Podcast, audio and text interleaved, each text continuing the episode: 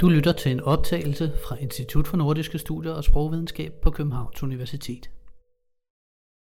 Denne optagelse stammer fra en række på fem foredrag, som blev holdt på Vartov i København i efteråret 2021 i anledning af udgivelsen af Dansk Sproghistorie i 6 bind. Foredragsrækken var arrangeret i samarbejde mellem Grundtvigs Forum og det Danske Sprog- og Litteraturselskab, og selskabets direktør, Karen Skovgaard Petersen, indleder. Det er en stor glæde for mig på vegne af det Danske Sprog- og Litteraturselskab at få lov til at byde velkommen til dette første af øh, fem foredragsarrangementer om dansk sproghistorie. Og jeg vil meget gerne sige tak til Grundtvigs Forum for, at dette samarbejde øh, har været muligt. Det, øh, vi glæder os meget til, til de fem kommende onsdage. Øh, grundlaget for foredragsrækken og anledningen til den, det er et bogværk, som man kan se i sin fulde udfoldelse på skærmen med alle seks bind. På bordet derovre øh, står de fire bind, der har materialiseret sig fysisk. Først, øh, nummer, bind nummer 5 er lige på trapperne, og bind nummer 6 kommer, så vidt jeg er orienteret, i begyndelsen af næste år. Øh, de seks bind om dansk sproghistorie, de, øh, de, de rækker fra de ældste tider. Jeg tror på hjemmesiden står der fra Gorm den Gamle til Kim Larsen. Vi kan også gå endnu længere tilbage og se fra, fra de ældste runesten til de sociale medier. Øhm, men det er ikke bare historisk, det er også tematisk. Sproget belyses fra et væld af synsvinkler, ordforråd, grammatik, dialekter, sociolekter, sprogbrug i bred forstand, litterære genre, medier, sprogundervisning, men også dansk, som det tales og er blevet talt ude i verden, og andre sprog i Danmark, øhm, og sprogets betydning for den nationale identitet, forfatternes dansk, for nu blot at antyde spændviden i, i værket i stikordsform. I alt har hele 87 forfattere bidraget til værket med indsigtsfulde artikler om, som I kan høre, næsten alle tænkelige facetter af sprog. Men at alle disse artikler også er samlet i en harmonisk enhed, det skyldes en formidabel indsats, en sej indsats i både den ældre og nyere betydning af det ord fra redaktionen, som næsten alle er til stede her i dag.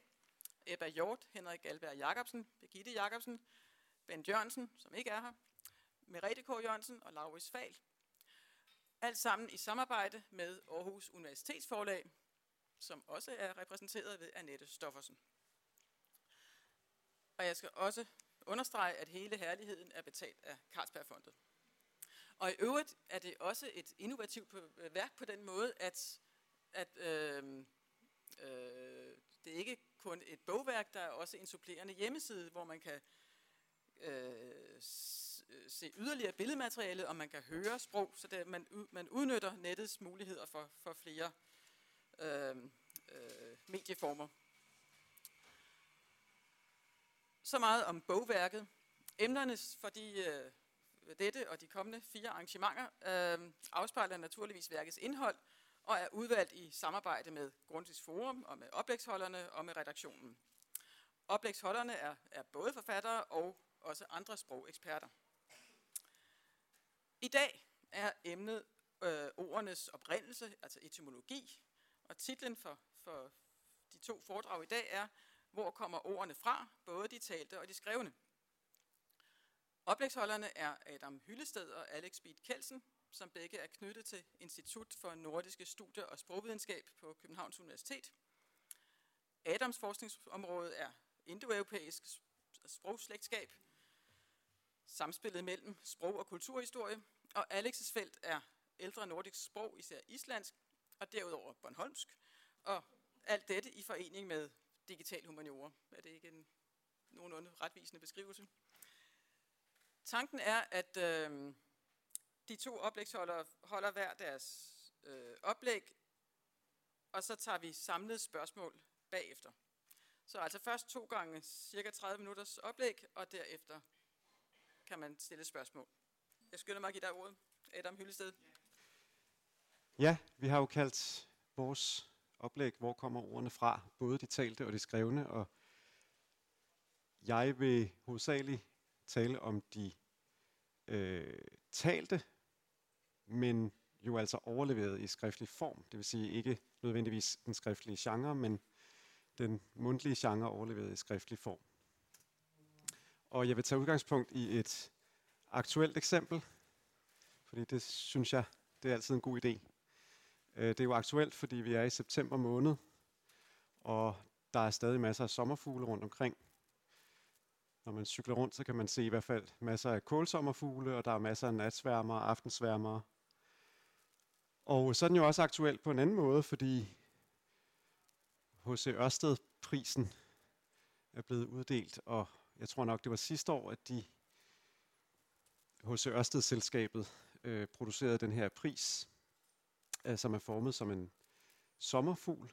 Øh, meget smuk, men jo altså, øh,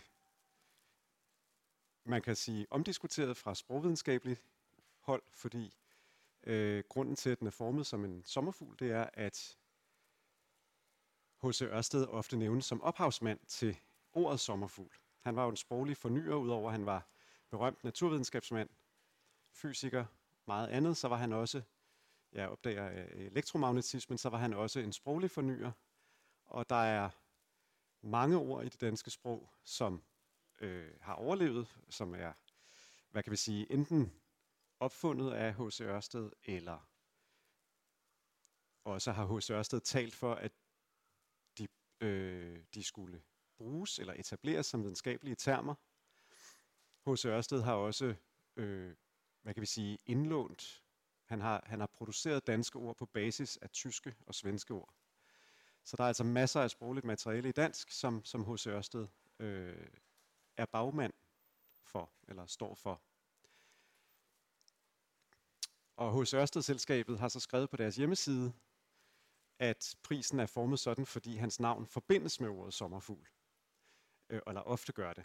De har altså ikke skrevet, at han har opfundet det, men det har stået forskellige steder, og fagfolk, både fysikere og sprogvidenskabsfolk, har nævnt det, fordi det er sådan en, en af de der historier, der vandrer fra, fra fagmand til fagmand, ligesom den vandrer fra, fra læ, lægmand til lægmand.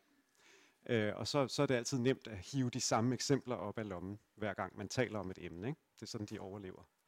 Men han har faktisk ikke, øh, sandsynligvis ikke fundet på ordet, eller det har han ikke, han har ikke fundet på ordet sommerfugl.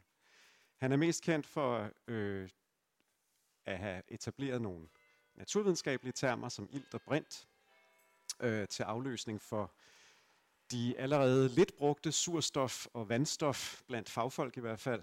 Øh, kvælstof har jo overlevet, men ilt og brint er jo så de danske termer for øh, ord, som vi jo også har fremmedord for.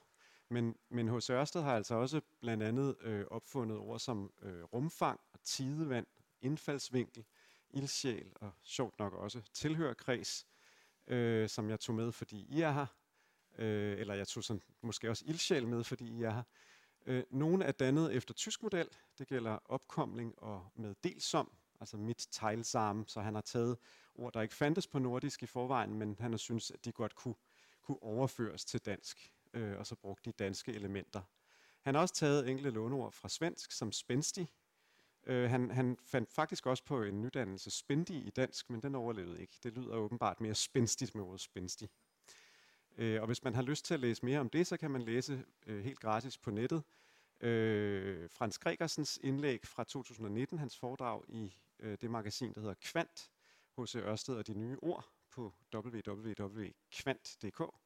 Øh, man kan faktisk også læse etymologen Niels O. Nielsens afhandling om H.C. Ørsted øh, ord. Øhm, Sproget.dk, hjemmesiden Sproget.dk, der bestyres af Dansk Sprognævn, øhm, fik hjælp fra DSL, fra Sprog- og Litteraturselskabet, øh, her i sommer, hvor øh, en spørger havde øh, undret sig over, øh, om det nu også kunne passe, at en sommerfugl var øh, opfundet af Ørsted, altså ordet var opfundet af Ørsted. Og Lars Trap Jensen fra Sprog- og Litteraturselskabet svarede, øh, han havde været i gammeldansk ordbog, forskellige andre kilder, og han svarede, at det kunne jo ikke være, være rigtigt, fordi i øh, en oversættelse fra 1500-tallet, der har vi ordet sommerfugl. Peder 7 nævner det i sin zoologiske værk Dyr her i Norden fra 1700-tallet. Det forekommer i Mathias Mots ordbog, og øh, også fra 1700 cirka, og desuden er det veletableret på Ørsteds tid i ordbøger fra, fra, altså fra, fra allerede fra hans tid ser det veletableret ud. Så det tyder ikke på, at han kan have øh, opfundet ordet. Det er altså en, en and, om man vil. Øhm, jeg kan tilføje, at øh, V.A. Brøndegård, vores etnosolog, der skrev Folk og Fauna, øh, i 1986, han skrev også Folk og Flora og Folk og Fæ. Og der kan man finde rigtig meget sprogligt materiale også. Øhm, der står, at, eller han, han gør opmærksom på, at der faktisk også fandtes et middelnedertysk sommerfugl. Øhm, og det modbeviser jo ikke i sig selv Ørsted som ophavsmand, for vi har jo lige nævnt, at han også tog tyske ord og omdannede dem til danske ord. Øhm, Kai L. Henriksen i det værk, der hedder Danske Insektnavne, som jo er bearbejdet, øh, det, var, det var et efterladt manuskript, det udkom posthumt, så Paul Helve Jespersen har, har, tror jeg, skrevet lige så meget af det, men, men der står i det værk, at der findes i folkesproget ikke noget gammelt ord, som omfatter alle, alle sommerfugle.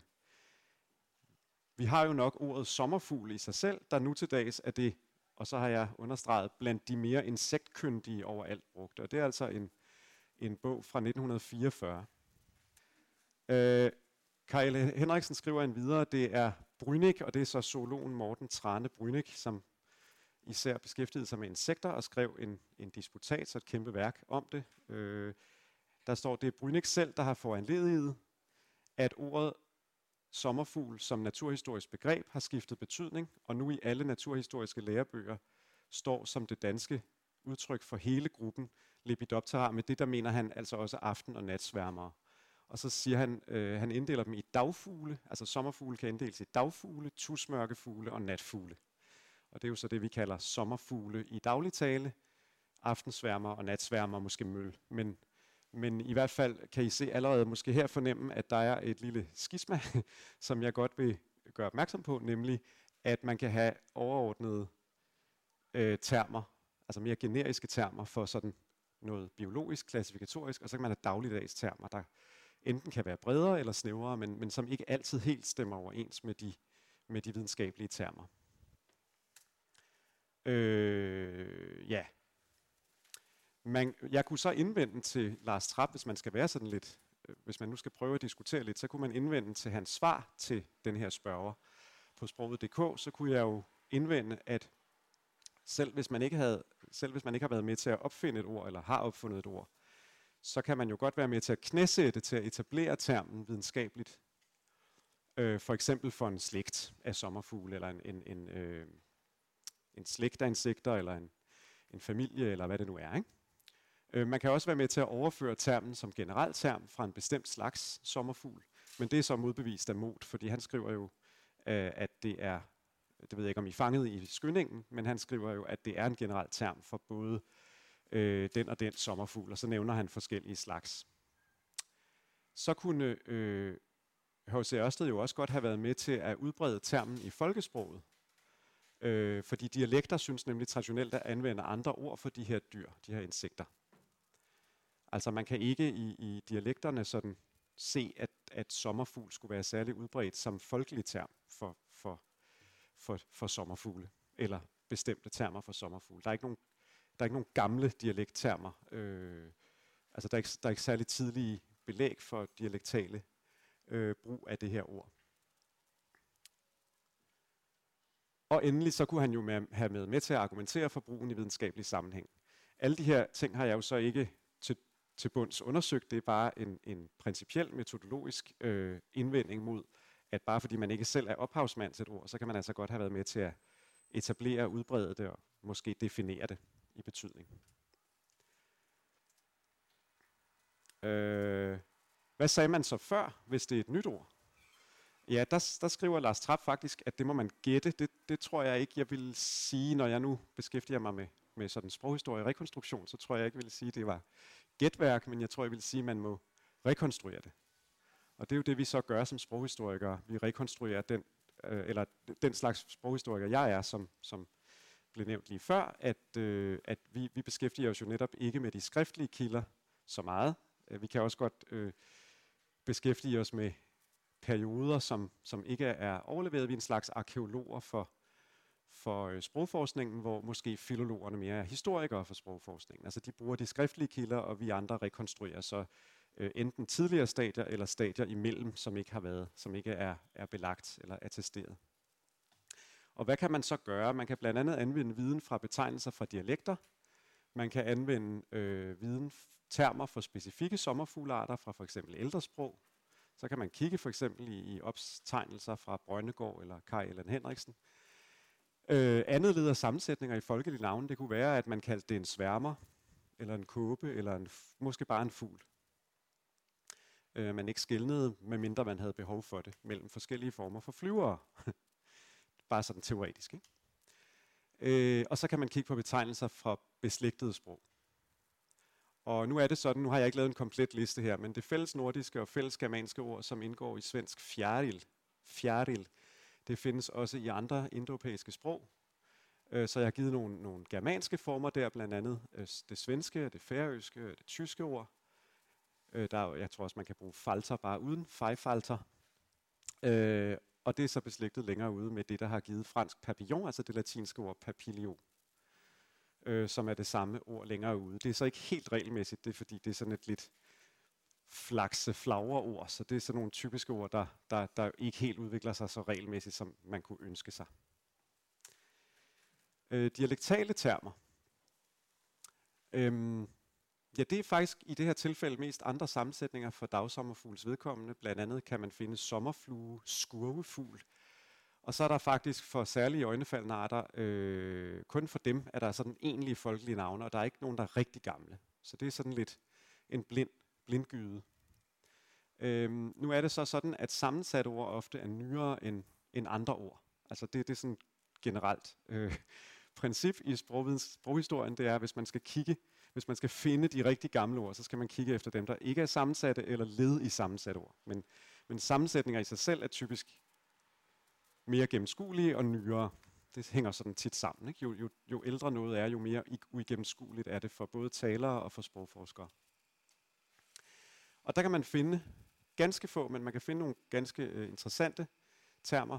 På Sejrø taler man om en tævel, øhm, og det er sådan ren spekulation, at det kunne være, at det var det oprindelige ord, vi, vi så før, der svarer til fjerdedel, dog ikke på nogen regelmæssig måde. Men det er ikke helt uset, at F kan forsvinde eller forekomme som T i sammensætninger.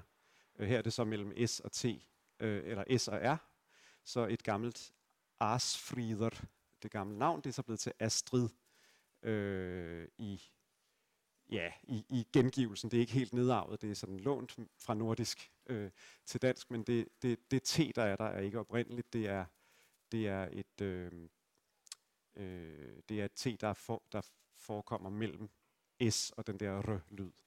Og man kunne forestille sig, hvis der havde været sammensætninger med et fævel eller fjævel eller noget i den retning, så kunne man godt forestille sig, at der har opstået T, men det er absolut ikke noget, jeg ville... Altså det, det er jo bare forløbig spekulation. Men det er i hvert fald sådan, at, at man kan se, at, at det ord findes øh, som, som simplex, som, som ikke sammensat ord, usammensat ord. Og så øh, synes jeg, jeg vil tage Bornholmsk med nu, hvor vi har Alex med. Øh, det Bornholmske ord, Shinjara, om øh, du må rette mig, hvis det ikke er rigtigt, men om, om alle slags sommerfugle, også nat- og aftensværmere. Øh, det har man også på Læsø, en skinner, øh, efter sine. og øh, det findes også hos CFL Almqvist i hans svensk sproglærer, så taler han om en skinnare øh, i Vestjylland, at det er en fjerdedel. Og der er forskellige muligheder for, hvad det kan komme af, og det behøver vi ikke nødvendigvis gå ind på, men det er bare for at sige, at man kan på den måde lave nogle lag i sproghistorien, hvor man kan se, at det er jo godt nok måske et gammelt ord, fordi det forekommer i dialekter, der er meget langt fra hinanden. Læsø, Bornholm, vestsvensk, det er jo ikke sydsvensk på den måde. Og, øh, øh, og derfor må det være øh, gammelt i, i, i sandsynligvis i østnordisk, så det er et østnordisk ord, øh, hvis ikke det er ældre. Men det, det er et bud, og om det så lige kommer af det ene eller det andet, øh, det, er, øh, det, må man, det må man undersøge nærmere, men det er for, for at nævne princippet. Så synes jeg også, at sommerfugl var et godt ord at tage frem, fordi vi kan bruge det til at illustrere noget om de enkelte leds oprindelse. fordi fugl i sig selv er et, et lidt sjovt ord. Det er et øh, urgermansk ord, øh, gammelt ord, der går tilbage til det til urgermanske grundsprog, så det er altså det her sprog, som alle de, de germanske sprog, nordiske sprog og, og andre germanske sprog kommer af, og så som, som, som øh, blev talt i området omkring Danmark, øh, i Danmark og Skånelandene og Slesvig i, i omkring Kristi fødsel. Og der har øh, man altså så rekonstrueret øh, et fugler på basis af alle de ord, der findes i nordiske og germanske sprog. Og der mener man, øh, og det er alle enige om, at det er et ældre flugler. Så der er altså noget med, at der har været to eller i ordet, og det bliver så dissimileret, som man siger, altså det mister det ene el. Men det betyder altså bare egentlig en flyver til roden i, i det, der er blevet til flyve. Flevgan, flevhan. Øhm, og det kunne jo teoretisk set godt have dækket andre flyvende dyr end fugle oprindeligt. Øh, det, er i hvert fald, det har i hvert fald været gennemskueligt for talerne oprindeligt, at det, at det betød en flyver, ligesom ordet flyver er for os. Vi ved godt, at en flyver det er fra, det har sammenhæng med verbet flyve. Men øh, det er selvfølgelig forsvundet. Den, den, det er, den sammenhæng i folks bevidsthed er forsvundet på et tidspunkt, og så er det blevet til fugla dissimileret. Så selve ordet sommer, det er et gammelt indoeuropæisk ord, altså endnu ældre, som går helt tilbage til det indoeuropæiske grundsprog, altså øh, det fælles udgangspunkt for alle de sprog, der er beslægtet i vores sprogfamilie, ikke kun de germanske. Så har Ben Jørgensen, som jo ikke er her i dag, men han, han har sådan et, et godt øh, eksempel i, i Ben 1 af dansk sproghistorie på, hvordan sproget fortæller historie, nemlig at når der står på guldhornene, jeg lægæst skovbeboeren lavede hornet, så, øh, så er der måske ikke nogen, der undrer sig over, at der står hornet, men i virkeligheden er det jo ikke et horn. Det er, øh, det er ikke lavet af horn, det er ikke et dyrehorn, det er noget, der er formet som et horn. Og, øh, og, og Ben Jørgensens pointe i, i, i kapitlet er så, at det viser, at man allerede på det tidspunkt kunne videre anvende ordet horn lighedsbestemmende. Altså man kunne sige, at det ligner et horn, altså er det et horn. Drikkehorn for eksempel. Jeg har et andet eksempel fra kileskriftsproget hittitisk øh, fra, fra oldtidens Lille Asien, Tyrkiet. Øh, hititterne havde brugte en, en brød- eller kagetype, armanish, øh, som helt tydeligt afledte ordet for måne. Og det kunne selvfølgelig godt være, at det var et rundt brød, men det, et rundt brød kan man jo kalde så meget. Vi har ikke det brød afbildet, men vi ved, det er et brød, fordi der, der er en lille tegn foran, der viser, at det er et brød. Altså det, det er et tegn, man kun sætter foran bagværk. Øh, og vi har ikke brødet afbildet, som sagt, men vi må altså gætte på, at der er tale om en slags croissant, og ordet croissant er også oprindeligt ordet for halvmåne, eller det er ordet for halvmåne, voksne øh, på fransk. Croissant øh, fra, fra latin. Så det er altså en tiltagende øh, halvmåne, eller en tiltagende måne. Et andet eksempel, der, der på andre måder viser lidt om, om hvad vi kan konkludere af ikke-sproglige, ja, altså hvor, hvor, hvor sproglige og ikke-sproglige konklusioner interagerer, kan man sige, øh, er øh, hammer, ordet hammer, som jeg selv skrev, som selv indgik i min, i min PhD i sin tid. Øh, jeg afleverede min PhD i 2014, og meget belejligt, så fandt man lige før jeg skulle aflevere på Lolland, første gang en torshammer med ordet hammer skrevet på. Og det var faktisk første gang, at ordet, altså en torshammer, som man jo hele tiden har kaldt en hammer, øh, optrådte med øh, optrådte med ordet hammer skrevet på, og der står ovenikøbet, dette er en hammer, hvis nok. Så, så øh, i hvert fald lidt underforstået. Men, men øh, der står is, altså det, hammer og så videre. Men, øh, men det viser, at man faktisk har brugt dette ord om de her små amuletter, og dermed opfattet dem som hammer, hvilket der ellers ikke havde været direkte bevis for. Og det siges normalt at være et gammelt indoeuropæisk ord for sten, og der skrev jeg så om, at det faktisk nok snarere er lånt fra et finsk ord, der betyder bagsiden af en økse eller en knivryg.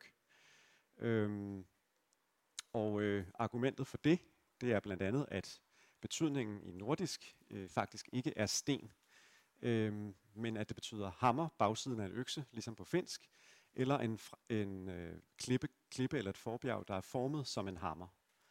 Øh, nu, nu er det lidt tilfældigt, at der er nogle af de ord, der er med fed, og andre, der ikke er. Det må I tage med. Men, øh, men det er så et af argumenterne for, at det, det i virkeligheden ikke betød sten, som man troede. Øh, argumenterer jeg for i hvert fald, som, som det gør på nogle af de andre sprog, altså påståede påstået slægtninge til det her ord, men at det egentlig er et ord for bagsiden af en økse, som man kunne bruge som hammer. Og det siger jeg så er lånt fra, fra det finske ord hammer, der normalt har man sagt, det var omvendt, men det kan ikke lade sig gøre, fordi det finske ord er beslægtet med andre øh, ord i finsk-ugriske sprog, som kommer af noget helt andet, og de kan ikke være lånt fra germansk. Så, så det er sådan den økonomiske... Øh, man, man laver en udregning af, hvad, hvad kan lade sig gøre, og det kan simpelthen ikke lade sig gøre. Det, det, det tredje alternativ ville være, at hammer, der, der betyder bagsiden af en økse, er tilfældig, har en tilfældig lighed med ordet hammer på germansk. Men jeg tror altså, det simpelthen er et, et kulturlån. Et andet eksempel på et muligt kulturlån er ordet pils i betydningen piletræ. Øhm, fordi normalt så siger man, det er en afledning af ordet pi, altså pil hed det på, på, old, på norrønt, oldnordisk, øhm, og var handkøn, men øh, en pil til bueskydning, sagde man så, øh, er piler, det er grundordet, der så har givet det her piletræ. Fordi øh, enten med henvisning til bladenes form, eller øh, på grund af brugen af pileved til buefremstilling. Nu er der bare det ved det, at det er absolut ikke særlig velegnet til buefremstilling. Det er et helt andre træer, man skal bruge til det. Øh, og i øvrigt så er der øh, ikke noget, altså det er et rent nordisk ord, ser det ud til, fordi når det findes i tysk, så er det, så er det lånt. Det er ikke fejl, men pil, så det må være lånt fra, fra nordisk. Øh, og jeg siger så, at det er snarere et lån fra, fra finske sprog, hvor det betyder rønnetræ, og sammenhængen mellem røn og, og pil er, at øh, er, er åbenlys. Vi har også øh, termer på dansk for, for arter sælgerøn, der egentlig betyder en pilerøn. Øh, den hedder vist nok endda sorbus intermedia på latin, altså den, der er midt imellem pil og røn. Øh, og den motivationen for, at man skal låne sådan et ord fra fremmede folk, det er, at det er et traditionelt helligt træ og velegnet til indrisning, altså et, en typisk kulturterm. Man låner typisk ting, der enten er, altså det, det er typisk enten øh, redskaber eller andre opfindelser, og så kan det være øh, for eksempel øh, ting, der har med religion og overtro at gøre. Det er sådan meget typiske lån. Ja, i Babelstårnet, der står der jo altså, øh, at alle sprog er i slægt med hinanden, og det kan man jo, det, det plejer vi altid at begynde sådan nogle foredrag med. Jeg begynder så ikke med det, men jeg nævner det lige her en passant. Øhm, fordi man har igennem tiden jo haft alle mulige tanker om, øh, altså man, det vil sige forskere og tænkere, har haft alle mulige tanker om, hvordan sprogene er beslægtet og hører sammen, og måske alle sammen kommer fra det samme udgangspunkt. Øh, men man har haft alle mulige nationalromantiske og religiøse og andre øh, grunde til at tro, at det skulle være græsk og hebraisk og ens egen dialekt osv. osv. Men sagen er jo, at øh, eller et godt princip i sproghistorien, det er, at sprog kommer ikke af samtidige sprog. De kommer af tidligere sprogtrin. Så det vil sige, at hvis alle sprog i verden skulle være beslægtede, øh, så kommer de nok ikke af et sprog, vi kender, fordi det ville være et sprog, der blev talt så tidligt, så vi ikke har det overleveret, fordi der ikke fandtes skrift. Her er jo så en illustration fra kapitlet, mit kapitel i sproghistorien. De moderne germanske sprog, det er jo så en, det vi kan kalde en gren af vores sprogfamilie. Og der er ikke så tid til at gå ind i detaljerne om det, men jeg kan lige nævne hurtigt, at der er nogle der er lidt flere farver, end der nok ellers ville være på traditionelle kort, fordi der er nogle nyere forskning, som tyder på, at øh, visse af de her øh, sprog- eller dialektgrupper har spaltet sig ud fra de andre tidligere, end, end, øh, end man troede. Altså for eksempel de her central svenske, og faktisk også nogle norske dialekter, nok oprindeligt er et, et nordisk sprog, som er spaltet sig ud før alle de andre nordiske sprog. Altså det første af de nordiske sprog, der blev til et nyt sprog. Øhm, og det, øhm, de dialekter lever jo så videre i Sverige, men de er, de er så opblandet med svensk.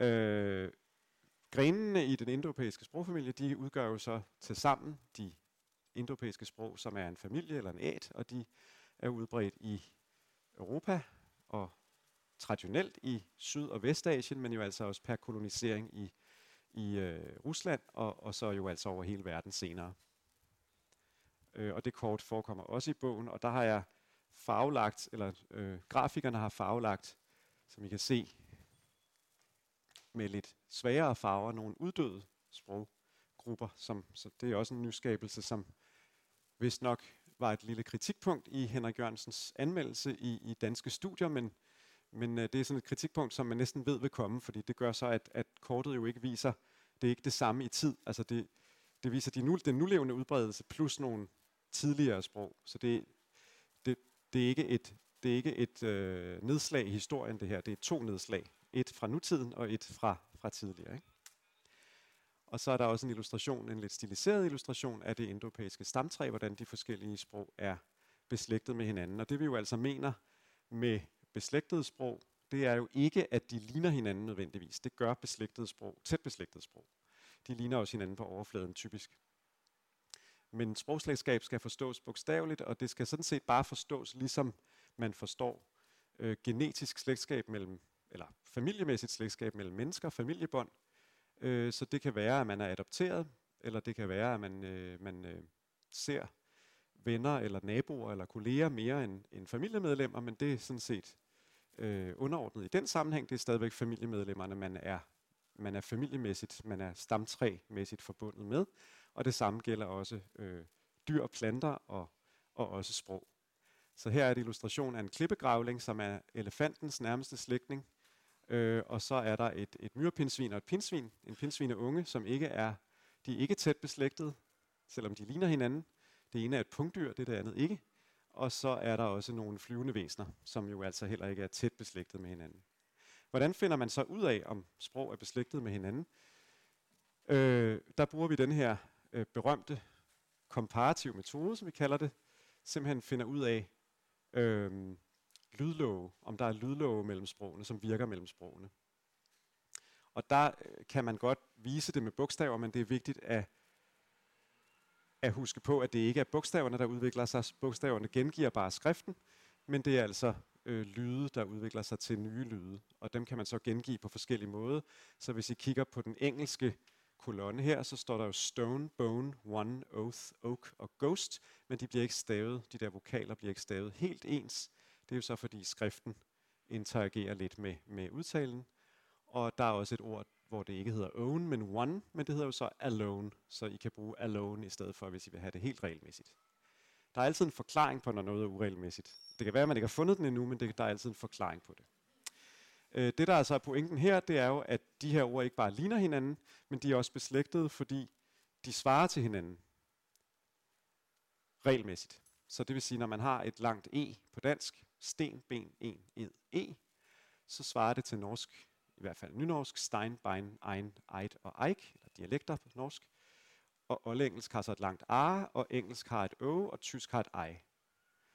Og så har jeg øh, taget ordet gejst med for at vise, at det ikke er et øh, arveord. Det er ikke et ord, der er beslægtet på samme måde. Det, ned, det stammer altså ikke fra den, det samme udgangspunkt. Øh, hvordan kan man se det? Det kan man jo ved, at det ikke hedder gest. På norsk, der kan man så ikke se det, i hvert fald ikke på den her variant af norsk, fordi der hedder det jo geist, og det burde det jo også hedde. Men det er alligevel lånt fra tysk, og, og det er så et eksempel på et sammenfald. Men altså, grunden til, at, at det hedder ej, det er så, fordi det er lånt i, i dansk, og norsk, det er lånt fra tysk. Men det er ikke lånt i øh, oldengelsk og engelsk, og jo altså heller ikke i tysk selv. Der kan I se, at de svarer fuldstændig til hinanden, som de skal. Hvad kunne så være andre eksempler på, at de ikke svarer til hinanden? Det kunne være ordet tone, som jo hedder tone. Der skulle man tro, det så hedder ten på dansk. Det gør det ikke, fordi det er lånt fra et tredje sprog, græsk internationalisme kan man sige. Så er der et dansk C, det svarer jo ikke til engelsk so. Det er så fordi, det faktisk har været en helt anden vokal, som som bare også udvikler sig til E på dansk, eller en anden sekvens, og dansk øh, og engelsk toe, der jo staves lidt anderledes, svarer heller ikke til dansk T. Øhm, og her har begge ordene en anden oprindelse, så der, er ikke, øh, der, der, der afslører tysk, at, at der ikke er tale om den samme lydsekvens eller den samme vokal. Men der er altså hele tiden undtagelser, og de undtagelser kan forklares med enten lån eller omdannelser på forskellige måder, eller at det er en helt anden, et helt andet udgangspunkt. Men det er altså den metode, man bruger til at afdække, om ord er beslægtet eller ej. Så det vil sige, at alle de her ord kommer altså af det samme germanske ord, som ville hedde øh, steiner, beiner, einer, eisa, Ei, Eiha, nej, Eika øh, og geister. Altså det vil være sådan de, de urgermanske former rekonstrueret, men de er jo altså ikke overleveret.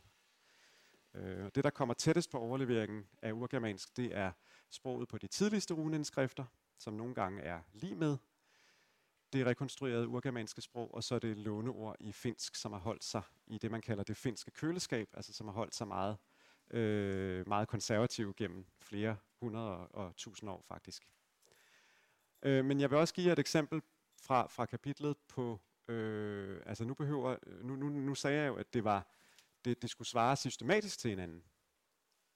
Men de ligner jo også hinanden, kan I se. Men det gør de her jo ikke, øh, i hvert fald ikke, hvis man tager latin ud af ligningen.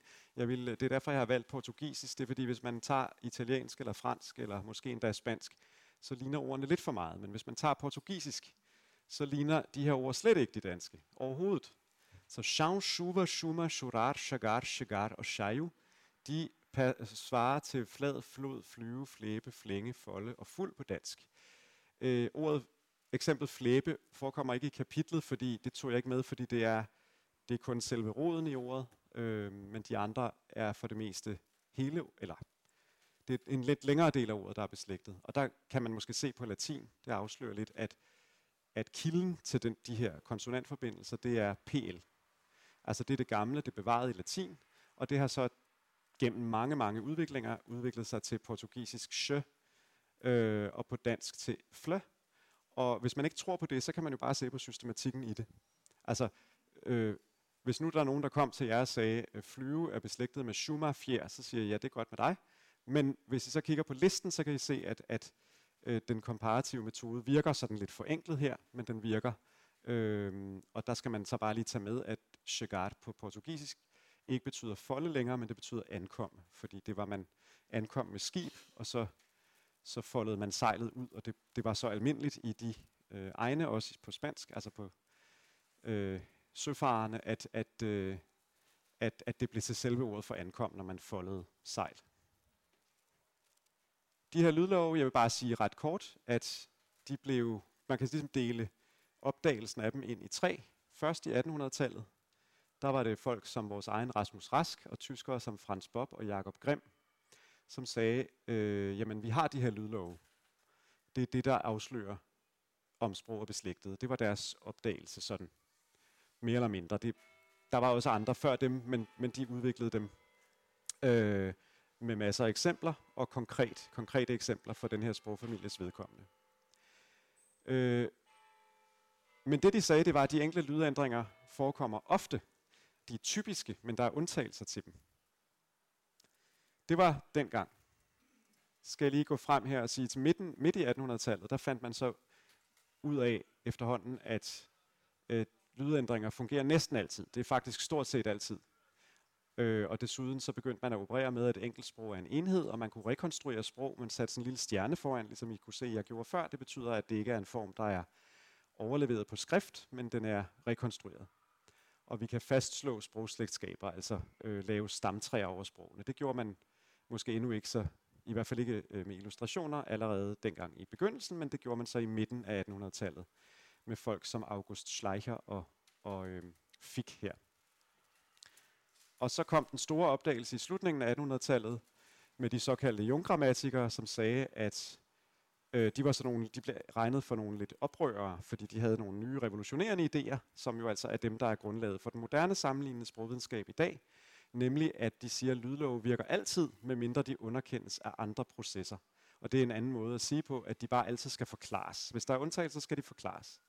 Vores egen Karl Werner, han sagde, at øh, han, han formulerede det sådan, at øh, han sagde, at der var ingen undtagelse uden regel. Øh, og det kan for eksempel være, at man omdanner efter andre ord eller bøjningsformer, analogier. Først hed det gøre gjort, og så blev det til gøre gjort, og så blev det til gøre gjort. Og, og den slags øh, udviklinger, hvor, hvor øh, ja, man kan sige, der er ikke kun analogi indblandet, men også noget lydudvikling. Det kan være sammenblandinger af forskellige ord. Det kan være dialektblandinger, for eksempel når man på på engelsk øh, siger en vixen om en hundrev, så er det fra sydengelske øh, jagtområder. Øh, det burde hedde en fixen, men det hedder altså en vixen, fordi man i de dialekter udtaler F som V. Så der får man altså dialektord ind i standard engelsk, og vi kender det også fra dansk øh, med alle mulige øh, øh, ord, der pludselig har et K i stedet for et G, og et W i stedet for et G, og så videre. Det, det, det er sådan ret typisk det der med, at man, man i virkeligheden har tæt beslægtede dialekter, der, der alle sammen bidrager til standardsproget. Og det må man så regne med i, sit, i sin udregning af, hvad der er gammelt og hvordan sprogene har udviklet. Så kan der være låneord, der kan være lydsymbolik, altså man, man simpelthen danner nye ord ekspressivt, på grund af at en hø- høne siger, eller en hane siger kykeliky, så kalder man den, eller en, en gø siger kukuk, så kalder man den kuku, eller noget i den retning. Ikke? Så kan der være tabuomdannelser, hvis man har igennem historien har været bange for at, at nævne farlige dyr, sygdomme, øh, mørket, insekter, øh, den slags, så, så har man øh, byttet om på ordene, og det kendteste eksempel fra dansk er jo øh, kopper, der er blevet til pokker som bande, bandeord, og senere øh, hamløst ord, måske halvt, halvt hamløst ord, men det er altså oprindeligt ordet øh, kopper som sygdom, der er blevet øh, omdannet tabuistisk. Men oftest er undtagelser til lydlovene faktisk noget helt syvende eller ottende, nemlig andre lydlov, der virker oveni. Og det var Karl Werner, som opdagede det, men faktisk tror jeg, jeg har et bedre... Altså det er Werners berømte lov, som, som viser, hvornår det hedder bruder og farter på tysk. Man kan ikke så godt se det på dansk. Men jeg skal lige se her, om jeg har en, et eksempel med på det. Det troede jeg, jeg havde. Men I kan tage sådan noget som Nej, det har jeg vist øh, glemt at tage med, men I kan tage sådan noget som øh, svensk øh, MN, når jeg, MN på svensk, når det hedder en hamn og en famn, en havn og en favn. Det hedder sømn for søvn. Øh, lemna for levne eller efterlade. Så er det øh, VN, der giver MN. Men VN, V giver altså kun M foran et N. Ellers sidder det stadig V. Så det er så et eksempel på en lydlov, der kun virker nogle gange under nogle omstændigheder. Og Werners lov var et eksempel på en, en lydlov, der kun virkede, når der var tryk oprindeligt. Øhm, jeg tror ikke, vi har tid til at gå ind i sådan den germanske lydforskydning, men I kan jo I kan se den i, det er alle eksemplerne fra kapitlet, øh, så, så de forekommer alle sammen i dansk sproghistorie, så kan vi jo gøre reklame på den måde. Øhm, jeg vil godt frem til sprogforandring i det hele taget, fordi det finder jo sted på alle sprogets planer. Øhm, jeg plejer at bruge den her illustration med de her bøger, som, som alle sammen er, handler om mad, øh, sundhed, saft og kraft, mad mod kræft, og den skaldede kok, som jo laver mad med saft og kraft også. Øhm, og det er jo lidt interessant, når man nu, hvis I nu tænker på den her, det her berømte sammenfald hos mange unge og andre, som udtaler de to ord ens, fordi man vil jo næppe lave mad med mad, med, mad mod kraft, eller, eller mad med saft og kræft. Men det er altså et eksempel på, at øh, øh der er en bevægelse i gang mod måske færre vokaler, at de, de falder sammen, øh, i hvert fald i nogle varianter af dansk. Men når man begynder at kigge på lydlige ændringer, Øh, det, det er det, man begynder med at kigge på, når man skal afdække sprogslægtskab, fordi de er altid systematiske. Men der er jo også andre ændringer i sproget, som er bøjning og, og betydning. Det er knap så, så øh, systematisk. Øh, så, så kan man spørge, jamen, altså en, en, en ting, der er meget svær at medregne, det er jo, at sprog ikke udvikler sig med samme hastighed. For eksempel udvikler, har dansk udviklet sig ekstremt meget på vejen fra fælles nordisk til, til i dag. Meget mere end, end for eksempel islandsk. Øh, og og man kan sådan man kan lave et, et en ja, man kan lave et show over øh, øh, ekstreme eksempler på sprog, der næsten ikke har udviklet sig, og sprog, der har udviklet sig. Og så skal man bare huske, at i nogle gange er, der, er det fordi, der er andre faktorer, der indgår. Altså for eksempel, når italiensk nærmest ikke har udviklet sig fra olditaliensk, så er det fordi, man jo har taget en gammel dialekt og standardiseret den øh, fra Toskana det her med sprog, der fortæller om kulturhistorien. Altså, øh, dels kan kulturhistorien jo fortælle os noget om sproghistorien, men sproget kan også fortælle os noget om kulturhistorien. Det er sådan et, et øh, princip, som øh, jo også er lidt svært at afdække systematisk, men øh, man kan se sådan underliggende betydninger, associationer og metaforer i, i øh, ord som, ja, for eksempel berømt vindue, som jo er i dag er sådan et her, men som jo egentlig var øjet oppe i vinden, oppe i loftet, øh, hvor røgen kunne stige op. Og I kan se et eksempel her fra et telt fra Centralasien, men man havde det jo altså også her i, i Norden. Øh, eller for eksempel det forhold, at en væg er dannet af et verbum, der betyder at flette. Så man kan se, at, at øh, væggen oprindeligt var et flettet hegn, og ikke en, en stenvæg. Og øh, til sidst så vil jeg bare sige det her med, et, altså der, der er en udvikling i gang også i metoden, fordi det her det er gamle principper. Men efterhånden så er man ved at forstå, at det man skal finde frem til, når man afdækker sproghistorien, det er, øh, det er ikke enkelt ord. Altså for eksempel er det traditionelt blevet sagt, at øh, når man skulle finde ud af, hvor de her indropæere, der talte vores ursprog, boede, så har man sagt, at de må have boet nær havet, fordi de havde et ord for hav.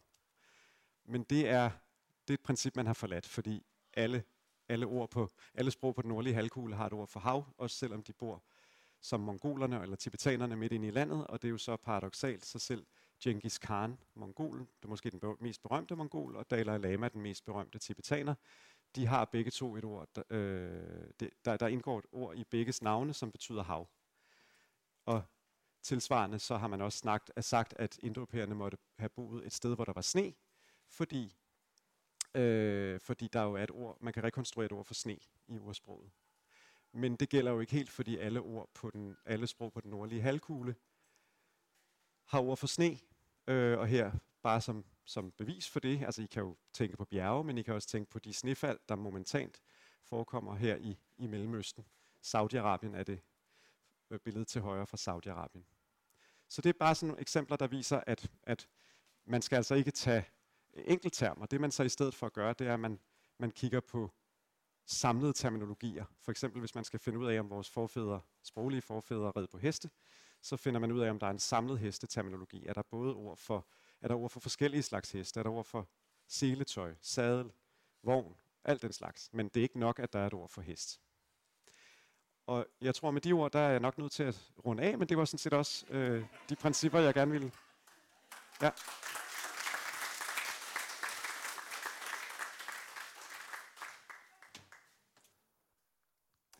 Ja, Adam han er virkelig kommet langt omkring. Så langt kommer jeg ikke med det her. Jeg skal øh, prøve at belyse nogle af de specifikke udfordringer, som er knyttet til forholdet mellem skrift og tale. For vi havde fået det der lidt øh, det der specielle opdrag, at vi skulle dække det emne også. Øh, så det er det, jeg har tænkt mig at gøre her. Som øh, håndskriftfilolog, så er jeg, øh, har jeg primært arbejdet med oldislandske øh, kilder, og det kommer en del af, af det her også til at, at, at handle om, kun en lille del. Fordi en række af de forhold, jeg kommer ind på, de gælder sådan set for alle mulige andre sprogsamfund også, og, og nogle af dem er også specifikt øh, danske. Jeg vil begynde med at overordnet og ganske kort oprise nogle af de problemstillinger, som er knyttet til forholdet mellem øh, øh, tale og skrift, og særligt undersøgelsen af det talte sprog gennem det skrevne. Det er noget, jeg har beskæftiget mig en del med. Og her vil jeg berøre nogle af de grundlæggende udfordringer, der er, men også nævne et eksempel på, hvordan vi trods alt kan komme videre, selvom der er en masse problemer forbundet med det. Og så vil jeg illustrere det med et helt konkret, og jeg håber forståeligt, men jeg er lidt i tvivl om det er forståeligt eksempel. det får vi se. Øhm, I første del af præsentationen, der vil jeg primært fokusere på nordisk middelalder, som er den periode, jeg kender bedst øh, øh som norrøn filolog, mens jeg i anden øh, del af præsentationen vil sådan gå langt op i tiden, nemlig de sidste 200-300 år, og samtidig også anlægge et lidt andet perspektiv. Øh, øh, vi skal så lidt se på processen fra skrift til tale på to måder eller i to perspektiver. Først et analytisk perspektiv med fokus på sproghistorikernes øh, forsøg på at afdække ligesom svundne tiders øh, talesprog gennem skriftsproget. Det har Adam jo også været noget ind på. Altså skriften som kilde til det talte sprog. Og derefter så med fokus på sprogbrugeren og dennes og med tiden generationers øh, talesprog, øh, hvordan det kan blive påvirket af skriftsproget. Altså skriften som årsag til ændringer i talesproget. Jeg kommer til at fokusere på forhold, der er relateret skal jeg sige, til udtale og skrift, øh, selvom sprog selvfølgelig er meget andet end bare øh, lige udtale. Men når det gælder udtale, så er vi særlig øh, af gode grunde særlig udfordret, øh, når vi skal øh, basere os på det skrevne sprog. Øh, i ældre tid. Om ældre tid, så mener jeg sådan set bare øh, perioden forud for lydoptagelsernes tid, så det kan jo gå sådan om godt til 100 år tilbage, eller noget den stil, eller hvis vi virkelig strammer den og inddrager også lydskrift gengivelse, så i hvert fald ikke mere end 200 år tilbage i tid. Men først altså skriften som kilde til det talte sprog. Øhm, og øhm, vi begynder som sagt i middelalderen, øhm, og vi begynder med det, der er min gode kollega Frans Gregersen i et øh, fremragende og yderst underholdende foredrag i, i Videnskabernes Selskab. Et foredrag, som i øvrigt ligger på YouTube. Der er link øh, til det bagefter. Øhm, det han beskriver som sproghistoriens store paradoks. Øh, og han udtrykker det sådan her. Vi vil vide, hvordan folk har talt de gamle dage, men vi har kun skrift som dokumentation, eller vi vil gerne vide, hvordan dem, der har kunnet skrive, har skrevet, men vi vil først og fremmest vide, hvordan de mange, der ikke kunne, har talt. Og det er jo lidt af et paradoks øh, faktisk. Øh, og det centrale er altså her, at vi kun har nogle få ikke repræsentative individers ufuldstændige skrift efterladenskaber øh, at bygge på, når vi skal danne os et billede af, hvordan de mange de talte. Og det er jo ikke nemt. Og et pers- metodisk perspektiv er det selvfølgelig også, øh, eller er det heller ikke særligt tilfredsstillende. Så her er der tale sådan ligesom om en grundlæggende begrænsning i kildematerialet. Det var i ældre tid en meget lille skare, øh, der øh, faktisk kunne skrive og skrev og producere skriftlige kilder, og øh, desuden så er meget jo rigtig, rigtig meget er også gået tabt. Øh, og, men selv hvis det ikke ville være gået tabt, alt det her, så er det jo kun nogle bestemte ting og nogle bestemte genrer, som er blevet nedskrevet. Det er også et problem. Udover det her grundlæggende kildeproblem øh, knyttet til overleveringen og hvad vi kalder repræsentativiteten eller mangel på samme, så finder vi også en række begrænsninger, som er specifikt knyttet til øh, forholdet mellem skrift og tale. Og selvom vi her på vores breddegrader har det der, øh, vi, vi har et skriftsystem, der er sådan fonematisk funderet, altså grundlæggende forsøger det at mappe talesprogets lyd eller fonemer til skriftsprogets tegn eller grafemer, øh, øh, så er der altså en række begrænsninger i forhold til, hvad der kan komme med i skriften. Og mange af dem er faktisk temmelig centrale i forhold til øh, sproglig udvikling, og dermed vores beskrivelse som sproghistoriker af, hvad den her sproglige udvikling er. Det er faktisk også noget, Frans øh, fremhæver i det øh, samme foredrag, hvor han nævner nogle af de her ting, øh, blandt andet taletempoet, betoning, stød eller tonalaccent, længde, kvantitet, intonationen, og så en klise, det her med at trække sammen, som vi jo gør en masse af øh, i talesproget. Øh, I stedet for at sige øh, af det, så siger vi ad, øh, eller med det med. De udfordringer, dem kommer jeg faktisk ikke til at tale ret meget mere om i dag. Øhm, og jeg kommer faktisk heller ikke til at tale så meget om det her med repræsentativitetsproblematikken. Udagten er meget interessant og særdeles relevant. Øh, så siger jeg måske lige en lille smule, fordi den er meget interessant og relevant, fordi den både, øh, øh, altså både fordi den her manglende øh, repræsentativitet, eller hvad skal vi kalde det, afskærer os fra en masse talesprog. Øh, både øh, altså herunder den, altså både den individuelle og den interindividuelle, altså mellem individer. Men også fordi skriftsproget, øh, og det kommer Frans for eksempel ikke på ind i det her foredrag, men også fordi skriftsproget i de perioder, hvor flere utrænede skriver, for der sker jo et eller andet, i, i pludselig begynder flere at skrive, og i de perioder, hvor øh, flere utrænede skrivere begynder at bidrage øh, til skriftproduktionen, så får vi større muligheder øh, øh, for, at innovationerne faktisk kommer til udtryk i skriften, og dermed er der sådan ligesom et, et form for bias øh, indbygget i det. Og det kan let føre til, at man først regner med, at en eller anden udvikling er indtruffet øh, på det her tidspunkt i talesproget, mens øh, øh, den skriftlige manifestation af det her i virkeligheden måske blot er et udslag af, at de her mindre trænede skrivere nu pludselig dukker op, øh, og de er måske mindre normerende, fordi de ikke kan det så godt, og dermed så dukker det først op, øh, og det, det, det forskyder jo det hele for os. Nå, det kommer jeg ikke til at... Altså, nu har jeg alligevel sagt noget om det, men hvad jeg til gengæld øh, vil sige lidt mere om, det er de tre punkter, der er her og kort berører. Øh, det er altså nogle problemstillinger i relation til tale og skrift i ældre tid især især, siger jeg. Øh, det er norm og brug, det er overleveringssituationen, og det er det her, hvordan vi mapper lyd og tegn til hinanden og problemer i den forbindelse. I relation til det her første punkt, altså norm og brug, øh, så er det ved at fremhæve, at der også i ældre tid udvikledes mere eller mindre faste ortografiske normer. Øh, selvom der langt fra var tale om sådan nogle, øh, der var mejslet i, hvad de nu var mejslet i på det tidspunkt, øh, som det er ikke som i retskrivningsordbogen eller noget af den stil, men så udviklede der sig forskellige normer i forskellige miljøer. Noget af det var sikkert bevidst tilstræbt, og andet det var simpelthen bare et resultat af, at man arbejdede inden for samme miljø, og det, at øh, man måske også var oplært, trænet i samme miljø.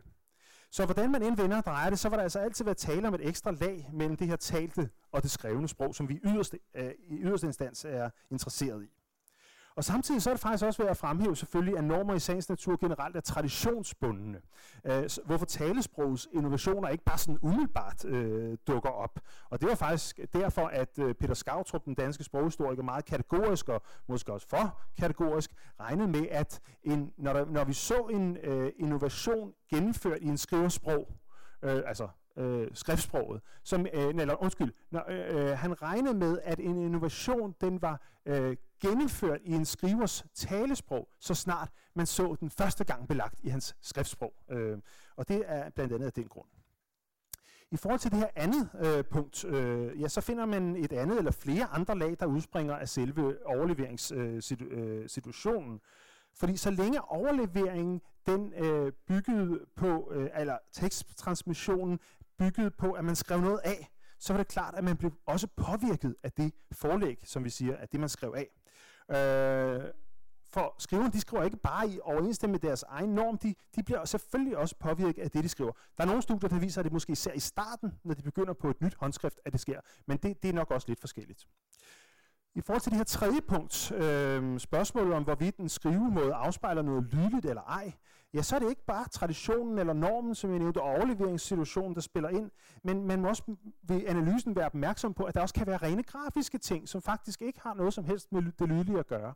Og jeg har nævnt nogle eksempler her, øh, der kunne nævnes andre også, men, men her har jeg nævnt for eksempel grafiske tydelighedshensyn, der kan spille en rolle. For eksempel brug af y i stedet for i, øh, sådan så at øh, hvis der i nærheden af m og n, for at undgå det, vi kalder minimum confusion. Her skulle der stå minimum, men det er ikke nødvendigvis super nemt øh, at læse.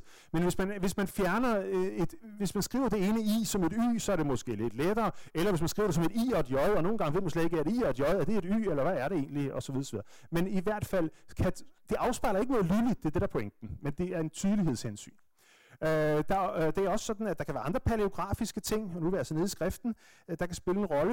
Øh, for eksempel brug af E øh, for A, efter tegn med, øh, med en højre bue. Det kalder vi en højre bue, det her. Ikke? Og det er jo fordi, at i gotisk skrift, så var der en forkærlighed for at lave de her såkaldte bogenforbindelser, eller bueforbindelser. Så skulle jeg selvfølgelig have fundet noget med D og E, det kunne jeg ikke lige sådan hurtigt, så, så det er altså et B og et O, det her. Øh, men hvor man altså kan se, at øh, de bliver skrevet sammen. Øhm, og så kan faktisk også hele sidelagoutet øh, få en betydning for tolkningen. For eksempel pladshensyn ved slutningen af en linje som kan være, fordi man vil have en lige højre maven, så kan det være, at man vælger nogle skrivemåder, som enten trækker det i den retning eller i den retning. Øh, det har en forsker Sture Hast for eksempel vist for nogle yngre islandske håndskrifter. Så, puha, det lyder jo faktisk efter det her, som om vi overhovedet ikke kan tillade os at sige noget som helst om de formodede udviklinger i, i, i talesproget, Øh, i ældre tid altså. Men når vi trods alt, og heldigvis, kan sige noget, så skyldes det ikke mindst, at vi ikke baserer det hele på en enkelt kilde øh, men forsøger at stykke ligesom et samt, det har David jo også, eller det har Adam jo også meget godt vist, forsøger at stikke et samlet billede sammen på basis af en række indicier, der holdes op mod hinanden, og det er vigtigt at fremhæve. Og i det kludetæppe, der kan der så indgå en mængde forskellige øh, klude, eller lapper, eller hvad vi skal kalde det, øh, og det kan man øh, så til sammen udnytte. Og her har jeg nævnt nogle eksempler på det. Man kan, og David har, eller undskyld, det er, det er utroligt, at blive kaldt for David. Uh, det, det er gammeltestamentet, begge det alt det der, men det er Adam. Uh, sammenligning med andre stadier af samme eller beslægtede sprog herunder dialekter, og jeg vil sige ikke mindst dialekter, øh, og her er øh, relatering til de her lydlove øh, særlig interessante. Vi kan også bruge selvfølgelig vores generelle viden om, om lydlige forhold, og så hvis vi er heldige, så kan vi bruge samtidige fremstillinger af sproget, og det er vi altså ikke altid, når vi kommer tilbage i tiden selvfølgelig, men Øh, inden for mit eget felt, den norrøne, så har vi den her fantastiske første grammatiske afhandling, hvor der faktisk laves en sindssygt øh, struktureret analyse, ja, struktureret og nærmest strukturalistisk analyse af, af forholdet mellem øh, det fonologiske og det ortografiske. Men så heldige er vi ofte ikke. Men det her kan vi udnytte med trikken her under rimforhold og fordelingen af trykstavelser i ældre digtning, og særligt selvfølgelig, hvis det er noget digtning, hvor at der ligger meget faste rammer for, hvordan det skal være. For eksempel den norrøne, øh, oldislandske og, og oldnordiske skalledigtning. Så har jeg nævnt skriverfejl. Øh, det er ofte sådan, at skriverne de har jo den her norm, de følger, men de laver nogle gange nogle fejl, som kan røbe rigtig meget, især hvis de skriver det, vi kalder for omvendte skrivemåder. Jeg ved ikke rigtig, om vi har tid til at gå ind på det. Jeg tror, jeg, sp- jeg springer det over faktisk. Og måske også det næste øh, springer jeg over. Det kan hurtigt blive lidt teknisk. Jeg vil hellere frem til det sidste. Alle kilder er ikke lige gode. Jeg burde måske have sagt det positivt. Der er nogle kilder, der er bedre end andre. Øh, og det kan i mange øh, tilfælde, for eksempel, som jeg siger her, være en fordel, når mindre trænede skrivere skriver. Der kan jo være nogle andre problemer forbundet med det, men det, er, øh, det kan generelt være en god øh, situation. Og så kan det også for eksempel være, at når vi går tilbage til middelalderen, så er næsten alt, det er afskrifter af afskrifter af afskrifter. Men vi har for eksempel det, der vi kalder for originaldiplomer, som er, altså, som er juridiske dokumenter fra middelalderen, som, øh, som, øh, hvor, hvor der ofte ikke er så mange afskrifter i, at det, det kan være en, en decideret original, original, og vi kan have øh, ofte have dem tids- og stedsfæstet oven i købet. Så, det, så det er, altså, der er, vi skal hele tiden tænke det der, hvor gode er kilderne med ind i vores analyse. Der er ikke rigtig tid til at komme ind på mere af det her, men jeg vil hellere springe frem til det her praktiske eksempel, som jeg håber er forståeligt. Øhm, det er taget fra min egen øh, forskning øh, i øvrigt. Øhm, og eksemplet synes jeg er interessant, fordi det viser, øh, eller på overraskende vis, der kan man udnytte nogle kodikologiske, står der her, det er altså sådan nogle manuskriptrelaterede, altså håndskriftrelaterede forhold, sammen med nogle ortografiske forhold, øh, og sammen kan de give en idé, eller et, et, øh, så kan det indikere eksistensen af et lydligt fænomen, som faktisk ikke står i selve kilden, men som vi kan sådan argumentere os frem til, at det nok er et, et, en, øh, et bevis for. Øh, og det drejer sig om udviklingen af en såkaldt støttevokal, eller svarbaktivokal. Sådan en støttevokal, den udvikles i alle de nordiske sprog i middelalderen, øh, og den kommer til at se lidt forskellig ud. Det her, det er den nye islandske, der bliver det et U, og hos os bliver det et E, øh, ender det med her. Øh, men det, der er det vigtige øh, at sige her, det er, at øh, ved den her udvikling, øh, øh, som jo i oldislandsk, som vi beskæftiger os med her, ser ud til at ske en gang i 1200-tallet, i dansk lidt tidligere, så, øh, så går det fra at være nogle ord fra at være enstavet til at være tostavet former. Øh, men at de engang var enstavet faktisk, det har vi også en direkte indikation af i, i den moderne danske øh, udtale, så at sige, på rismål. For den her slags ord, de har faktisk stød på rismål. Øh, det er årsagen til, at vi siger bønder med stød, altså at bunde, men vi siger bønder, dem vi beder uden øh, stød. Det går tilbage til en flerstavelsesform. Så hvad sagde du, undskyld? Ja, eller spiser, eller drikker, øh, hvis vi har malet dem og alt det der. Ja. så ja, Nå, men det er en lille ekskurs. Men efter den, så øh, vil jeg prøve at se nærmere på forholdene i det her håndskrift. Og det drejer sig om det islandske kongesække-håndskrift Morkinskinna fra ca. 1275. En kold junimorgen, eller et eller andet. Ja. øhm, Øh, og det Morgenskænde, det betyder, hvis I undrer det, det jo betyder, det rådne eller møre håndskrift. Og det er fordi, det er særligt hernede, der er det sådan øh, ret medtaget, faktisk. Øh, det er skrevet af to samtidige skrivere på Island i slutningen af 1200-tallet, øh, og det er altså det, I ser her på billedet. Ingen af skriverne har ligesom bestræbt sig for at få højre maven helt lige, men øh, det gjorde man ikke i perioden. Men Øh, sådan for at det skulle se nogenlunde jævnt ud, så deler de nogle gange ordene øh, ved linjeskift. Øh, det gør vi jo også stadigvæk. De bruger så ikke bindestreg, men øh, det, det var ikke så almindeligt dengang. Men det var der nogle skriver, der gjorde også i middelalderen. Øh, den er ikke særlig frekvent, den her orddeling, hos nogen af dem, men hos den ene af skriverne, som vi kalder hånd A, for vi ved ikke, hvem det var, øh, der er det lidt mere frekvent end hos hånd B. Øh, og hånd A, og det er nu, det bliver interessant, han deler også nogle enstavelsesord, tilsyneladende enstavelsesord, det gør han B ikke. Øhm, og det er dem, vi skal koncentrere os om. Men før vi gør det, så har jeg lige taget den her lille oversigt. Den skal vi ikke gå igennem i detaljer. Men det er alt det, der ikke er indstævelsesord, og alt det, der ikke er sammensatte ord, som typisk deles, hvor de sammensættes. Øh, og ser man på dem og kigger lidt nærmere på det, så vil man se, at øh, der følges et fonologisk princip ved den her ord. Lidt ligesom når vi klapper stavelser, øh, faktisk. Og det er et mønster, man også ser i andre ældre øh, øh nordiske håndskrifter, og faktisk også i andre traditioner, gotisk, oldfrisisk og vist også nogle andre. Øh. Øh, oldengelsk også, for eksempel. Øhm, og derfor er det ikke mindst, øh, er der, ikke mindst af den grund er det interessant, at der i alle tilfælde med orddeling i enstavelsesord øh, ord, hos hånd A, den her skriver her, øh, der er der tale om ord, som slutter på et R og en konsonant øh, lige foran. Øh, sådan er det i alle tilfælde. Det er forskellige strukturer, og I kan se, at det udvikler sig så til senere hen at have en støttevokal her.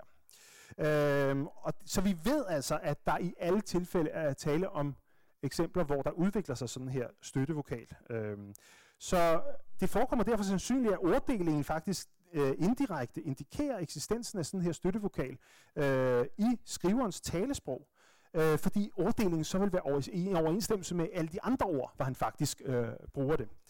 Øhm, selvom det så i givet fald er en meget tidlig, eller en af de tidligste forekomster i et islandsk håndskrift på det her, øh, så kan nævnes, at tolkningen også understøttes af, at den anden skriver, de var to, der skrev, ikke? den anden har faktisk et eksempel, hvor han har skrevet det her U ud i håndskriftet.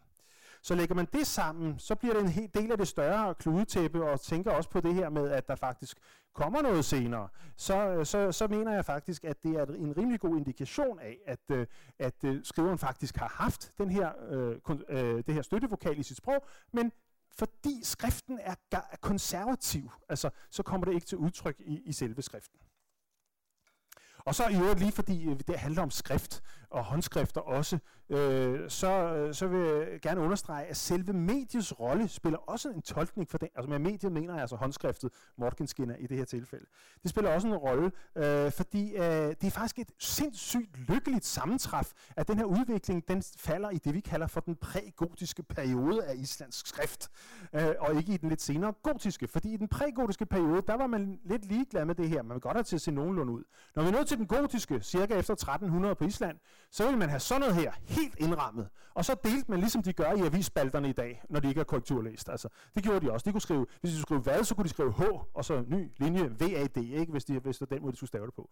Og havde, de, havde vi været i den periode, så havde vi aldrig kunne lave den, den argumentation øh, for det, kan man sige. Så, så, det, så det er et eksempel på, at det hele spiller sammen, kan man sige. Nå, vi er så nået til anden del af præsentationen, og den er væsentligt kortere end den første.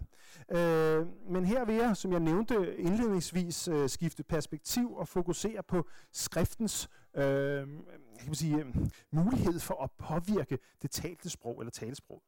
Og vi lægger lige ud med en personlig anekdote, for da jeg sådan for 25 år siden begyndte at studere nordisk filologi ved Københavns Universitet, så kom jeg direkte fra den her afsidesliggende ø i Østersøen, Bornholm kaldet, øh, og øh, jeg mente selv, at jeg talte et rigtig godt øh, rigsdansk, øh, og mine medstuderende de sagde også, at, at vi kan slet ikke høre, du Bornholmer. Det var mere usædvanligt dengang, fordi dialekten stod stærkere. Men det var selvfølgelig, fordi jeg øh, var vant til at, det, vi kalder for kodeskifte på moderne dansk skifte, altså mellem dialekt og rigsmål, eller som vi siger på Bornholmsk, øh, imellem øh, Bornholmst og dansk, som vi siger. Vi siger ikke rigsmål, det siger Bornholmsk og dansk simpelthen. Ja. Så så meget desto større var min forundring over, at der var nogle af mine medstuderende, der grinede af mig, når jeg havde sagt et eller andet om, at det var tis nok, at dette skete i morgen, eller et eller andet. Øh, og det, de sådan grinede af, det var min manglende udtale af det her med D i tis nok øh, som, jeg alt, som jeg tænkte, det må bare være en ren læseudtale og sige det her tids. Det er der ikke et menneske, der siger tids nok, men det viste sig, at det var der altså. Øh, det har jeg aldrig hørt på Bornholmsk, øh, så at sige. Øh, og, og, og det er sikkert også sådan en læseudtale, som i dag bare er blevet helt almindelig, og det er helt udbredt åbenbart. Øh, måske støttet af det, man øh, med den tilsnit kunne kalde for med et fint ord, morfofonemiske associationer. Altså det, at man siger tid, og så, så restituerer man også D'et i tids, øh, i tids, som jeg vil sige. Ja. Sådan her læseudtale, den kan opstå i et hvert samfund, hvor skriften spiller en væsentlig rolle. Men for at forstå begrebet, så skal vi sådan lige prøve at spole tiden, måske 200-300 år tilbage. Øh, og lad os begynde med en passage her fra Hans Ede Schacks ufuldendte øh, øh efterladte roman Sandhed med modifikation. Det er en passage i øvrigt, som min gode kollega Erik Skyrum Nielsen, som også senere kommer i den her sammenhæng, han har gjort mig opmærksom på. Øh, Sammenhængen det er den, at en nabo i sovnet, Dirksen, ved podning har udført forskellige naturhistoriske kunststykker, som det hedder. Så i hans have blandt andet findes et træ, som bærer både gule og røde blommer, og et, som bærer blommer og kirsebær, for det ikke skal være løgn. Og det får provsten til at komme med et udbrud i det, det hedder her. Det er vist nok på side 19, men det, kan, øh, det er sådan set ikke så vigtigt. Ja, til visse. Naturen er underfuld i det store, som i det små, i det høje, som i det ringe. En bemærkning, der fik så meget mere vægt, som blev fremført i hvad Dirksen stund om til en eller anden fortroligt dristede sig til at kalde provstens højtidsudtale. Denne havde nemlig en dobbelt udtale, den ene til daglig brug af de sædvanlige jævne ord, den anden, når han var på prædikestolen eller fungerede som sjælesørger, som og når han ellers udtalte sig i nogen mere højtidlig og alvorlig anledning eller betjente sig af ord, som var særligt distingueret. Kom han således til at tale om det underfulde, udtalte han det skarpt både i under og fulde. Øh, kom han derimod til at tale om den fulde mand, som lå under bordet, udtalte han slet ikke det nævnte bogstav, eller bogstav skulle jeg måske sige, hverken i fulde eller under, men lod det som de fleste dansktalende i første ord gå over til L og i sidste til N den vægt, som den højtidlige udtale fra denne måde er holdt, forøges der hos end mere ved den tone, som ledsagede den, som og almindelig ved en vis elevation i den hele holdning. Ja, det er da fantastisk. den her situationsbestemte øh, udtale, den er ganske givet noget, som Jacques øh, har kendt godt til. Han var jo et søn af en præst, øh, og den har da også været meget udbredt i samtiden. Går vi tilbage til 1700-tallet, så skriver grammatikeren Holsgaard sådan at, således, at man kan måske mellem det, han kalder den brugeligste og bedste daglige tale, og så offentlig oration og prædiken. Og men at man i begge tilfælde skal rette sig efter de lærte og andre vidtige folk, altså vidtige forstande, ja, øh, ikke efter den enfoldigste gemene mand, som forkorter og fordærver ordene. Og de her øh, eksempler har jeg fundet fra hos Inge-Lise Pedersen. Jeg, øh, artiklen står senere. En fantastisk fin øh, artikel, hvor hun har gjort opmærksom på det. Samme tredeling den fremstår endnu tydeligere hos Barton i 1725, øh, undskyld, 1785 i hans grammatik, hvor han slår fast, at der i et hvert sprog med et skriftsprog findes tre forskellige talesprog eller udtaleformer. For det første den gemene mands, der udelukkende er baseret på mundtlig overlevering, det er altså dialekterne. Så er der den velopdragende udtale i det borgerlige liv, og så er der den offentlige talers. Og den her situation med ligesom to øhm, øh, sideordnede, dannede talesprogsnormer ser ud til at holde sig til omkring midten af 1800-tallet, øh, mens man i århundredets anden halvdel nærmer sig den moderne situation med en regional udtale og en lavkøbenhavnsk udtale, som det udvikler sig.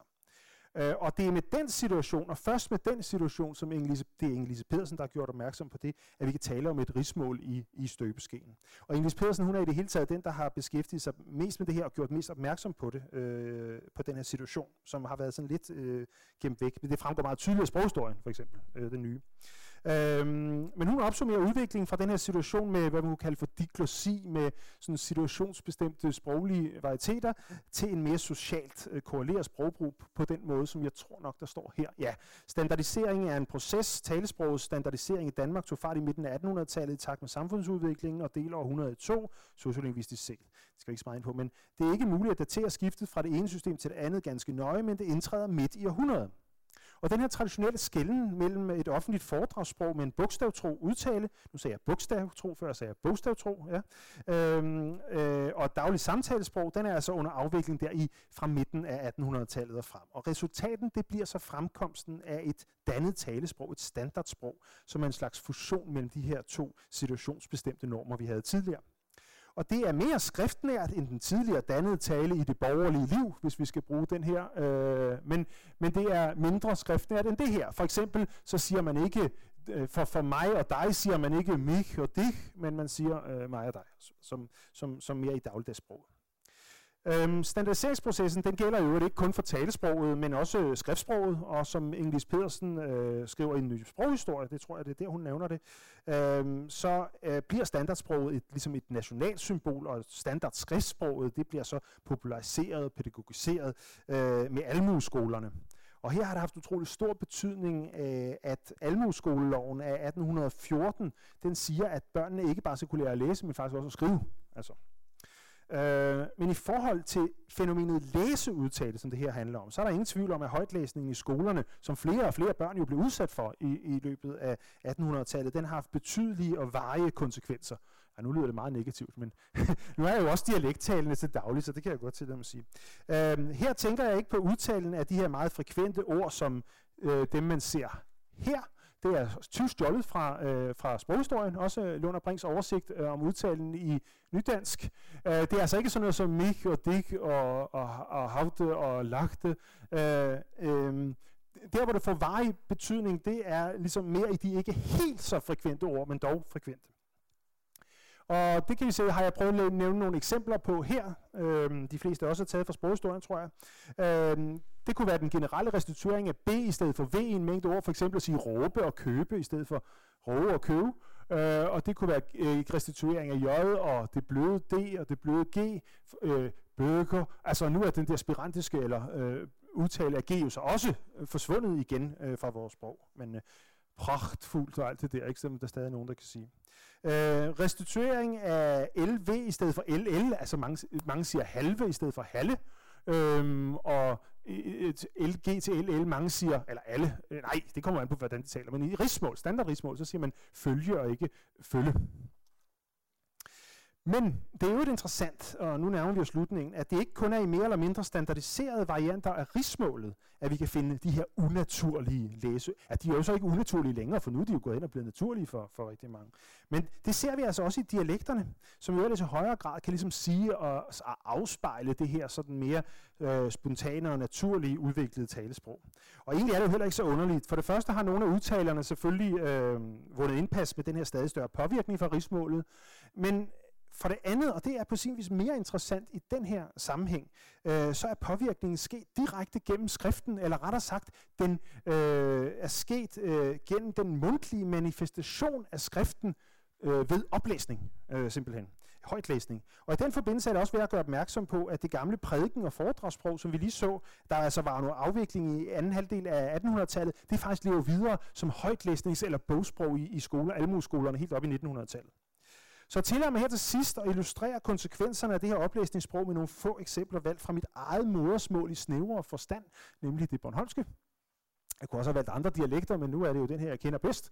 Øhm, og jeg har valgt nogle øh, eksempler her på for eksempel ND-udtale i stedet for det palatale N, som du så fint udtalte tidligere i genre.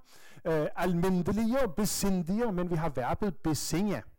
Øh, LD-udtale i stedet for palatal L-udtale enfoldier og aldo i stedet for oiler øh, som udløg er nu også ved at gå ud på Bornholmsk i dag. Altså. Øh, men det ser vi for eksempel i ord som aldosrente og aldodomshjem, øh, som er sådan nogle embedsord, ikke? Altså, som derfor også øh, bliver ramt tydeligt af det. G-udtale i stedet for J, for eksempel i egenhændigt, egenmægtiger, det kan man høre, det i bogsprog, ikke? Altså, men også egentlig, i modsætning til pronomenet egen, som bare hedder ejing. Og så er jeg nævnt til sidst F-udtale i ord på af, øh, for eksempel afbetale, afjora, i stedet for, eller i, i, i, hvis man sammenligner det med, med, den, øh, med præteritum participium, afgjort, udgjort. Altså. Så, øh, så, så, så, så den trænger altså også frem der. Så her, som afslutning på det hele, øh, så må man bare sige, at forholdet mellem skrift og tale, det er langt fra lige til og indimensionelt øh, mens det i sin tid har været, og for så vidt stadigvæk er vanskeligt øh, at få talen ned på skrift, øh, det kan det i hvert fald være, så er det ikke mindre vanskeligt at slutte noget om talen i ældre tid på basis af skriften. Og som vi her afslutningsvis øh, har set eksempler på, så giver et samfund med udbredt øh, litteracitet, altså læse- og skrivefærdighed, det, det giver os nogle ekstra problemstillinger, øh, vi skal forholde os til, nemlig den gensidige påvirkning, øh, skrift og tale imellem, som fører til en mængde uregelmæssigheder, som dukker op og, og går på tværs af lydlovene, som Adam talte om tidligere. Øh, så det er lidt sådan hen til kommoden eller skrivepulten og tilbage igen, øh, kunne man måske sige, eventuelt af flere omgange. Ikke desto mindre vil jeg så sige til sidst, at skriften er den bedste kilde til afdækningen af sproget i ældre tid. Og uden skriftlige kilder har vi simpelthen været ekstremt ildestat. Uh, øh, men når vi udnytter de skriftlige kilder til udforskningen af det talte sprog, så skal vi jeg kan sige, blot være opmærksom på en række problemstillinger herunder den her manglende repræsentativitet i flere hensener, produktionsforholdene og selve skrivesituationen, samt de manglende muligheder for at udtrykke en række lydlige forhold i skriftsystemet, som jeg nævnte tidligere. Og samtidig så må vi så i vores analyser bestræbe os på at trække på en bred vifte af værktøjer, der ligger uden for analysen af ligesom den enkelte øh, skriftlige kilde. Øh, blandt andet sammenligning med andre studier af sprog eller beslægtede sprog, herunder udviklingen i dialekterne, øh, perspektiveringer til forholdene i andre samtidige eller nogenlunde samtidige kilder, øh, og eventuelle samtidig, hvis vi er så heldige, have samtidig udsagn om sproget. Øh, og så forhold, som kan udledes af kildetyper med særlige krav til den sproglige manifestation. Og her tænker jeg ikke mindst på det, jeg nævnte omkring digtningens krav, øh, med dens krav til metrik og rimforhold, længdeforhold og den slags. Og lad det passende være de sidste ord, så har jeg, jeg ved ikke om det her slide øh, bliver sådan lagt ud noget sted sidenhen, men, men hvis den gør det, så har jeg i hvert fald også her øh, en øh, lille øh, litteraturliste til noget af det, som, som jeg nævnte er det vigtigste i, i foredraget. Så jeg ved ikke, om jeg holdt tiden, men jeg tror, det var tæt på.